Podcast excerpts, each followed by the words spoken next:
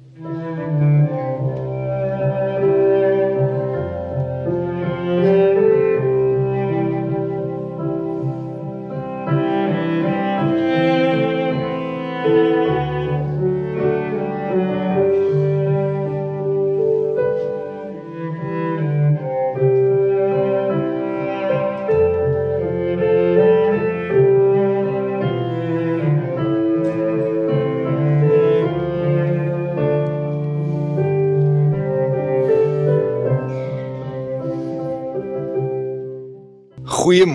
Liewe vriende en baie hartlik welkom by Harmonie Gemeente. So bly dat jy saam met ons kuier hier vanuit Hoërskool Belwel. Dis wonderlik om die woord van die Here te deel so uit ons hart uit, maar my gebed is vandag dat die Here net u hart te kom aanraak en dat die woord wat gebring word erns iets in jou hart sal wakker maak want die Heilige Gees kom en hy kom verander ons. So my gebed is dat u 'n wonderlike tyd sal hê saam met die bediening van die woord en net sal toelaat dat die Here jou kom bedien. Kom ons bid saam. Hemelse Vader, baie dankie vir die woord. En dankie dat ons U kan leer ken. Want U is ons Vader en U het ons lief. Dankie Here dat U die oë van ons harte kom oopmaak sodat ons kan sien, dat ons kan verstaan dat U vir ons wysheid en insig gee, Here, om ook ons harte te kom uitsorteer. Dankie Vader vir die doel wat U in elkeen van ons se lewe kom sit het, vir die droom wat U vir ons het wat ons moet doen, die verskil wat ons kan maak en die manier hoe ons dit kan doen, Here, is om net 'n verskil te maak vir U naam naam, vir u saak en vir die koninkryk. Baie dankie vir die geleentheid Vader, ons eer u in Jesus naam. Amen.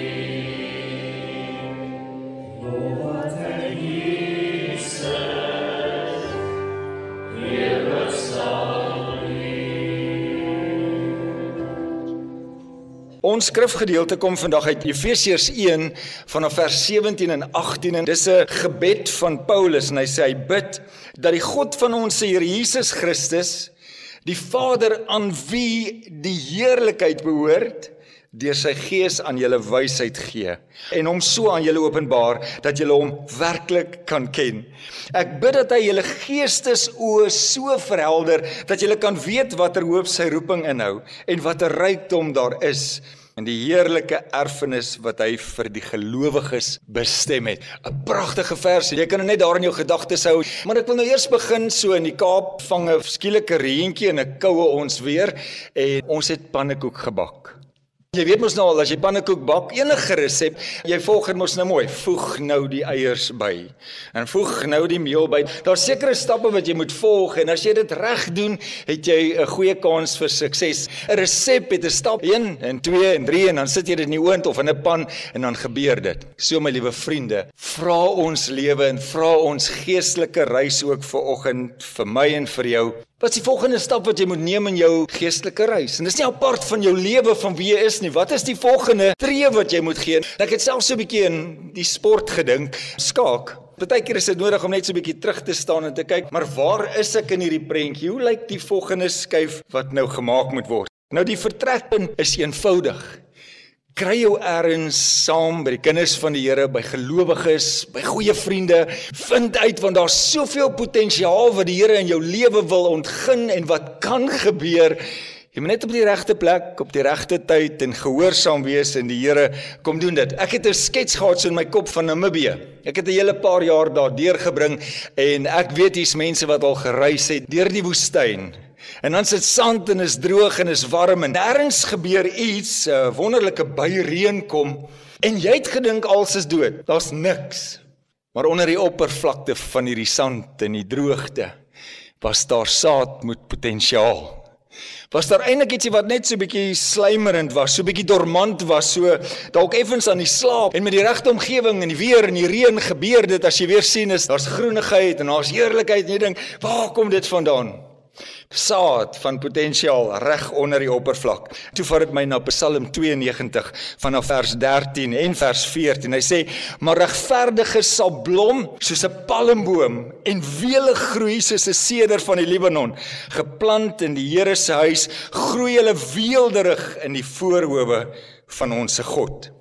Nou liewe vriende, en ek glo in my hart, dis waarvoor die kerk daar is, dis waarvoor gelowiges daar is, waarvoor vriende daar is en waaroor die Bybel gaan. Die Here wil die potensiaal van hierdie saad wat hier lê en wat eintlik maar so bietjie dormant is, wil die Here net weer kom opwakker en ons laat groei want daar's potensiaal by elkeen en die Here wil sien van alles wat hy in sy kinders kom deponeer het dat dit gebeur het. En vanoggend glo ek met my hele hart dat die woord wat die Here met ons gaan deel gaan net so 'n bietjie help dat daardie saad, daardie potensiaal sal ontwikkel, dat jy kan raak sien. Nou as ons nou pannekoek bak of enigiets anders te doen in die kombuis, dan het ons brilletjies. Op ons ouderdom moet jy hom nou opsit want jy moet kan sien wat sê die volgende stap. So ek bid sommer dat die Heilige Gees so in die oë van jou hart net so 'n brilletjie kom opsit dat jy vanoggend sien wat is die volgende stap. En dis die doel van hierdie boodskap vandag en ek wil elkeen van u saamvat dat jy vandag sal ontdek, miskien waar is jy? Wat is die volgende stap? Wat is die volgende tree wat jy moet gee? Nou ek hoop en ek bid vir so 'n oomblik wat jy sal sê, "Wow, Hugo, jy praat nou van die plek waar ek nou is, want ek gaan so vier stappe vir jou kom uitlig." Dat die Here en sy Heilige Gees net in ons harte kom werk. So, vandag vind daardie plek en ek gaan dit behandel uit Efesiërs 1 vers 17 en 18. En nou dis 'n gebed van die apostel Paulus. Ek hou van Paulus want Paulus was 'n kerkplanter. In die wêreld die tyd waarin hy geleef het, het hy baie kerke geplant en soos wat ek glo en bid in my hele hart dat die kerke moet groei soos Paulus ook gehoop dat die kerke sal groei, dat die gelowiges meer sal word, dat die koninkryk van God uitgebrei sal word. So, Paulus se gebed en ek lees hom vir jou weer. Efesiërs 1 vanaf vers 17. Paulus bid dat die God van ons Here Jesus Christus, die Vader aan wie die heerlikheid behoort, deur sy Gees vir julle wysheid sal gee en hom so aan julle openbaar dat julle hom werklik kan ken. Ek bid dat hy julle geestesoë so verhelder dat julle kan weet watter hoop sy roeping inhou en watter rykdom daar is in die heerlike erfenis wat hy vir gelowiges bestem het. Paulus sê Ek bid dat daar geestelike wysheid in julle harte sal opspring. Dat die Gees vir julle geestelike wysheid sal gee om sekere goeders raak te sien. En eintlik so sal vandag se woord om jou net te help om vir jou te wys, waar is ek? Is ek hier? Hoe lyk my volgende tree? Wat is die volgende stap wat ek moet neem? En die eerste ene wat hy noem, dat jy God persoonlik werklik sal ken. Al net gou asem, hoor gou wat die eerste woord wat Paulus sê, ken God. Vir ons is dit dalk nou nie so vreemd nie as jy nou die gedagte hoor en as dit nou stap 1 is in die tree wat ek moet gee. Ek ken God, dalk is dit nie so vreemd nie, maar dit is eintlik baie vreemd vir die mense van sy tyd want hy sê ken God, maar hy gebruik in Grieks 'n ander woord wat baie meer intiem is, amper soos mamma en pappa en daar's babas. Dis baie dieper. Dis nie 'n oog en 'n kop en 'n verstand ding nie, maar dis 'n hart ding. So die eerste vraag wat Paulus vra, hy sê as die Heilige Gees julle harte kom wakker maak, waar is jy in jou lewe? Wat's die volgende stap? Waar is jy nou? Die eerste vraag is, ken jy God? Ken jy hom intiem? Ken jy hom in verhouding? Verstaan jy dat jy voor jou Vader kan sit en met hom praat? Ons het besef hy's God en ons het 'n godsdiens en ons ou kerk en ons het tradisie, maar dis meer. Paulus bid hierdie gebed en hulle oë gaan dalk waarskynlik groot oop. Wat bid jy nou? Jy praat van 'n ander manier van ken. Kan ons hom regtig so ken? Ja, jy kan God werklik op 'n ander manier ken. Nou gaan Paulus aan dieselfde skrif en hy sê: "Mag God julle harte so verlig dat julle sal insien." Nou hier's die tweede ene. Die eerste een is ken God. Julle saam met my, die eerste een is ken God. Die tweede een is mag die Heilige Gees kom en julle harte so kom uitsorteer. Hy sê ek bid dat julle geestesoë van julle harte sal verhelder. 'n Ander vertaling sê dat die oë van ons harte sal oopgaan. 'n Mens wil eintlik so omdraai en sê Paulus, my oë sit nie in my hart nie, my oë sit hier. Ons kyk met hierdie oogies, maar ons kyk deur die lense van ons hart. Want jy kyk deur die lens van jou verlede, jy kyk deur die lens van al jou seer, van jou pyn, van jou slegte dae, van jou goeie dae, deur al jou verhoudings, jy kyk met die oë van jou hart. Hoe jy nou na my kyk, is deur die oë van jou hart, want jy het al hierdie goedes wat al opgebou het in die verlede en al hierdie stories wat jy kan vertel. Die eerste een is, ken jy God? Die tweede een is jou hart uitgesorteer. As jy met die oë van jou hart kyk en jy het al daardie goed uitgesorteer wat jou aftrek, wat jy nog in geheim hou, wat jou besig hou, wat jou keer dat jy nie kan wees wat God wil hê dat jy moet wees nie, het jy dit uitgesorteer. So, eerste ene ken jy God. Tweede een is jou hart voorberei en hoe sien jy dinge? Nou ons sien almal dieselfde goeders, maar ons sien dit deur die lens van wat al met ons gebeur het. En die probleem is, daardie goed dikteer ons lewens hoe ons reaksie moet wees en hoe my emosie moet wees. Paulus sê, jy kan nie hoop vir vorentoe nie vir die deurbraak vir die volgende tree as jy nie nommer 1 en nommer 2 afgehandel ken God. Ken hom op 'n ander manier as jou verlosser en jou saligmaker. Ken hom persoonlik, wees met hom in verhouding. Sorteer jou hart uit en kry al die goeders wat moet weg, kry dit weg, dan gaan hy aan. Hy sê, sodat jy kan weet watter hoop sy roeping inhou. Op hierdie deel van die reis sou jy agterkom En ek seker elkeen weet dit. Ons is geskape met 'n doel. En die Here wil ons op 'n pad vat waar ons 'n verskil vir hom en vir sy naam en vir sy saak maak. En jy gaan nie sien wat die doel en die roeping is as nommer 1 is daardie verhouding met God nie uitgesorteer is nie. As nommer 2, as die hart nie skoon gemaak is van alles wat my terugtrek en vashou en alles van die verlede wat ek net een kan sit en wegvat want die Here het kom nuut maak. Hy het vir ons nuwe mense gemaak deur sy kosbare bloed. So die Here kom en hy sê, ek wil hê jy moet met my verhouding hê, ek wil hê jy moet jou hart skoon maak, maar daar's 'n doel in jou lewe en jy gaan die doel raak sien wanneer die hart skoon is, wanneer die verhouding met God reg is. Paulus gaan aan met hierdie gebed. Ek is so opgewonde nou daaroor. Hy sê, en dan sal julle weet watter hoop sy roeping inhou en watter rykdom daar is in die heerlike erfenis wat hy vir die gelowiges bestem het in ons lewe dan hoop ons ons ons het baie hoop. En ons hoop as my gesin eers uitgesorteer is dan het ek hoop. En ons hoop as die omstandighede uitgesorteer is want ons leef mos baie keer onder die omstandighede. As dit uitgesorteer is dan gaan ek hoop hê. Ons hoop dat as my nuwe werk deurkom gaan ek hoop hê. En ek hoop as die bevordering deurkom dan gaan ek hoop hê. Paulus bid vir die gemeente wat hy wil hê moet groei en 'n volgende stap moet neem. Hy sê jou hoop lê in jou roeping En as dit Paulus praat dan sit altyd Christus. Hy sê ek het al die ander goeders weggesit, eenkant gesit. Vir my gaan dit net oor Christus. So Paulus vat ons so deur die stappe. Hy weet daar's ietsie wat dormant lê. Daar saad moet potensiaal wat daar lê om te groei en God wil die beste jy erns net wys vir die wêreld en vir sy koninkryk en vir sy heerlikheid en hy sê ken jy my? Ken jy my my kind? Ken jy my op 'n persoonlike vlak?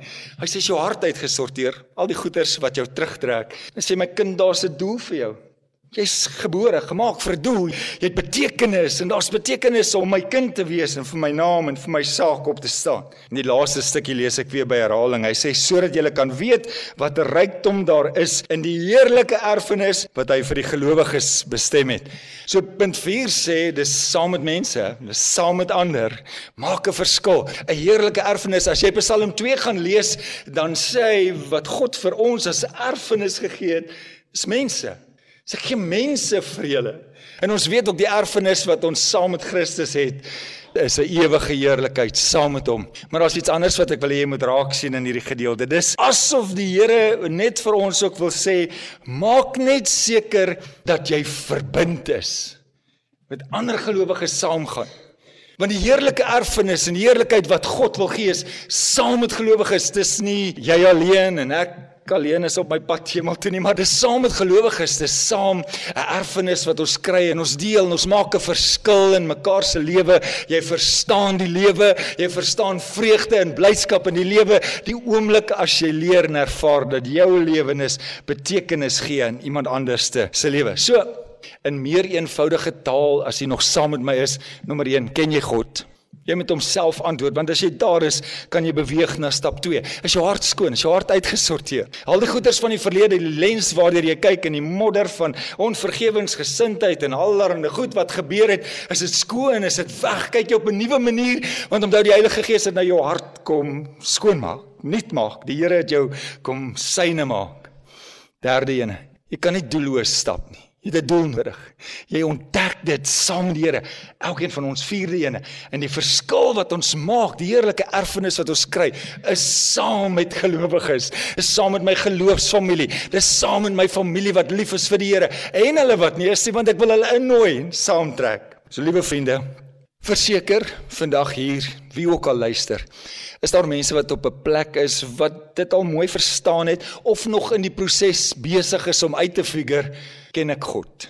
Ek dink daar's baie mense, miskien almal, myself, wat nog op 'n plek is in die tweede een wat ek nog vrykom van 'n ding wat hier so in my hart trek of ietsie wat my aftrek, iets wat my besig hou, die hart se uitsorteer in die oë van die hart, iets moet nog gebeur. Ons almal besef, nommer 3, dat daar 'n doel in die lewe is vir ons elkeen. Ek weet dit gebeur by gelowiges en ongelowiges, volgelinge van die Here en en die wat die Here nie ken nie. Die Here het dit net so in die mens gesit. Hy wil 'n doel hê, betekenis hê. En dan die vierde een, maak 'n verskil. Die grootste vervulling wat in jou lewe kan gebeur is as jou lewe iemand anders se lewens raak. Vervulling gebeur wanneer jou lewe impak maak en jy iemand anders se lewe net raak leef en die Here se heerlikheid ook vir hulle wys. So, ek wil gou weer teruggaan na die vier stappe. Jy sien, dit is die skoolsaal vanoggend, is nuwe stoele in en hier kry jy 'n goeie les om te leer en dalk goed om te onthou, goeie datum om dit te onthou. Eerste stap ken nie werklik God. In my eie lewe, 52 jaar, ek dink in die 52 jaar kan ek redelik tel die kere wat ek nie op 'n Sondag 'n diens bygewoon het nie. Wat 'n verskriklike prestasie. Ek het die dienste bygewoon. So ek ken kerk. Ek het 'n verhouding met die Here gehad. Ek het 'n geloofstap geneem. Ek behoort aan hom, maar ergens in hierdie gewone ou lewetjie van wat ek is en wie ek is, het daar mos nou baie goed gebeur en het die lewe gebeur en ek vergeet van die Here en het ek vergeet van die kerk en ek in my eie pad gestap en ek kom agter en ek God as ek hierdie vraag 10 jaar, 20 jaar gelede dalk moes antwoord het hy elke keer verskil, maar vanoggend wil ek jou weer net vra, hoe lyk dit vandag ken jy God. Maar dit is 'n ernstige saak om in 'n persoonlike verhouding met God te staan. Die Here sê in Matteus 7 vers 21, nie almal wat vir my sê Here, Here sal ingaan in die koninkryk nie, maar dis hulle wat die wil van my Vader doen. Die Here is altyd op soek na 'n verhouding. Hy ken jou naam. Hy wil saam met jou sit, hy wil saam met jou kuier. Hy wil gemeenskap met jou hê. Hy wil daardie oomblik hê wat jy saam bid en sy woord lees. Die Here soek na verhouding en ek is so dankbaar vir al hierdie jare dat ek weet ek het 'n verhouding. Ek ken die Here en ek leer hom nog steeds ken en ek bid dat dit met jou in jou hart sal gebeur dat jy die Here ken en dat jy hom meer en dieper sal leer ken. Tweede enetjie wat ek weer wil by stil staan, is jou hart uitgesorteer, daardie geestesoë. Dit help ons baie keer om ons hart uit te sorteer. Ek wil dit nou verduidelik oor hoe ons goed hanteer. Ek het gesê ons doen dit alles van waar ons kom in ons verlede en al die ou storieetjies van ons verlede. Die geheim om jou hart skoon te kry is nie net God nie. Dis jy en God, dis reg. God het al die werk gedoen.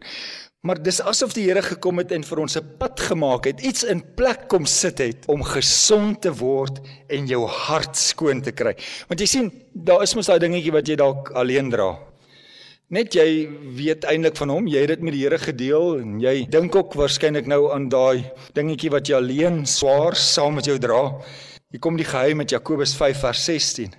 Hy sê daarom moet julle julle sondes teenoor mekaar bely Ons het mos nou lank oor mekaar gesels, het ons mekaar nodig. En vir mekaar bid sodat jy gesond kan word. Die gebed van iemand wie se saak met God reg is, het 'n kragtige uitwerking. Liewe vriende, gaan na God toe vir vergifnis. Dis wat hy doen. Hy kom gee vir ons goeie raad. Hy sê gaan na jou boetie, gaan na jou sussie, gaan na jou geloofsvriende toe en maak jou hart oop Baie mense dra vir al die jare nog swaar aan daardie ding wat hy alleen dra, gaan praat en dis die moeilikste ding om te doen om so 'n bietjie vulnerable te raak. Dis die moeilikste ding om bietjie oop te maak. Ons jong mense het hierdie week bymekaar gekom en hulle het spesifiek so geleentheid gehad en jy sal agterkom wanneer jy jou hart begin deel met 'n geloofsvriend dat jy nie regtig alleen stap nie. Dat almal maar eintlik so 'n bietjie van dieselfde issues het. Erns moet ek 'n tree gee wat ek aanbeweeg en wanneer die Here my hart skoon maak en hy vir my 'n geloofsfamilie en vriende en 'n kerk en 'n liggaam in Christus gee wat hy sê, praat saam, trek iemand op, sê kom ek bid saam met vir jou. Ek weet jy het dit nodig en ons stap hierdie pad saam. Ken jy God? Is jou hart skoon en vry? En nou moet jy die doel ontdek wat God vir jou lewe het. So 1 Korintiërs 12, dit praat alles oor die liggaam.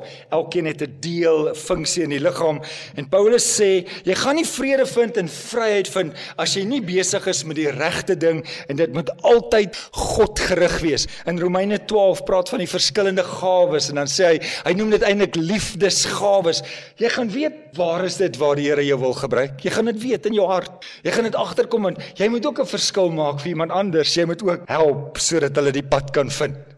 As ons nie weet wat ons doel is, hoekom ek hier is nie, dan vat jy maar 'n nap. Nommer 4 sê maak 'n verskil.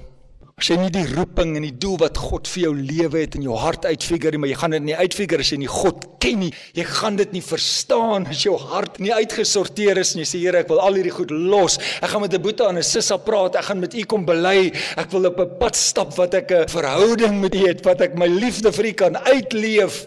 Ek maak 'n verskil in iemand anders se lewens. Ek maak 'n verskil En dan praat ons van 'n heerlike erfenis saam met 'n klomp gelowiges. Johannes 15 vers 8 sê: "Hierin is my Vader verheerlik dat julle veel vrug dra en julle sal my disippels wees." 15 vers 11 sê: Dit het ek vir julle gesê sodat julle my blydskap mag ervaar en julle blydskap volkome mag wees. Dit klink nogal demanding wat Paulus hier praat. Hy sê julle sal my disippels wees. Eindelik Jesus hier sê julle sal my disippels wees en julle sal vrug dra. Maar as ou die 11de versie lees en hy praat van volkome blydskap, wil jy volkome blydskap ervaar? Ons leef in 'n tyd waar dit so nodig is. Here, ek het net nodig om die vreugde en geluk en die vreugde wat aan die regterhand is te ervaar. En die Here sê: "Wees my disipel. Dra vrug. Kom, vat die stap, tree in, leer my ken, maak jou hart skoon. Kom, wees my disipel." Die kerk het jou nodig, die liggaam van Christus het jou nodig. Jou vriende het jou nodig, jou gemeenskap het jou nodig. Suid-Afrika het jou nodig om daardie verskil te maak om vrug te dra sodat God se heerlikheid vir almal kan wees. Jy sit hier Is miskien by nommer 1, maar leer God ken. Kom huil vir hom. En as jy daar is, ek is bly jy is saam met my daar en en jy ken God al, maar as jou hart nog nie uitgesorteer nie, sort hom uit. Die Here wil met jou 'n verhouding hê. Hy het alles klaar betaal, hy het alles klaar reggemaak. Verlede is weggewas, jy's 'n nuwe mens. Jy hoef net te gaan en sê, "Is ek Here, vergewe my. Ek wil vir U leef. Ek wil vir U opstaan. Ek is U kind." Sal wat hy wil hê. Jy moet 'n verskil maak, jy moet jou doel opgryp en sê Here, ek besef U het my nodig. Die kerk het my nodig. Ek besef U liggaam het my nodig want ons is almal deel van hierdie liggaam. Jy weet soos jy volgens die sit, waar is jy in jou lewe? Jy weet op watter plek jy is en watter tree jy moet gee. Dit bou ons nou op oor die nuwejaarsvoornemens. Nie wag nie, gaan. Gaan, die Here roep jou. Maak die besluit, dis maklik. Hier is 'n keer, ek wil U leer ken. Dis tyd, vandag is die tyd. Mag die Here in jou hart hierdie gedeelte van Efesiërs net kom wakker maak. Paulus se gebed. Mag jy hom leer ken op 'n manier wat jy hom nog nooit geleer ken en nie mag jy jou hart skoon maak. Mag jy die doel ontdek en mag jy dit saam met gelowiges ontdek want daar's 'n heerlike erfenis vir my en vir jou. Dis moeite werd om jou hele lewe vir die Here te gee. En die maklikste manier om dit te doen is oorgawe. Kom ons bid saam. Hemelse Vader, dankie dat U sommer so uit die gebed van Paulus met die wegspringplek vra dat U Heilige Gees die wysheid sal bring sodat ons U kan ken, sodat ons kan sien, sodat ons kan verstaan, sodat ons kan doen. Vader, dankie dat U in hierdie dag mense oprig wat bereid is om te sê, "Goed, ek gaan, ek gaan die tree gee. Ek gaan vorentoe, ek gaan beweeg want U roep my." Baie dankie Vader vir u liefde wat oorvloediglik in ons hart en ons lewens uitgestort word in Jesus naam. Amen.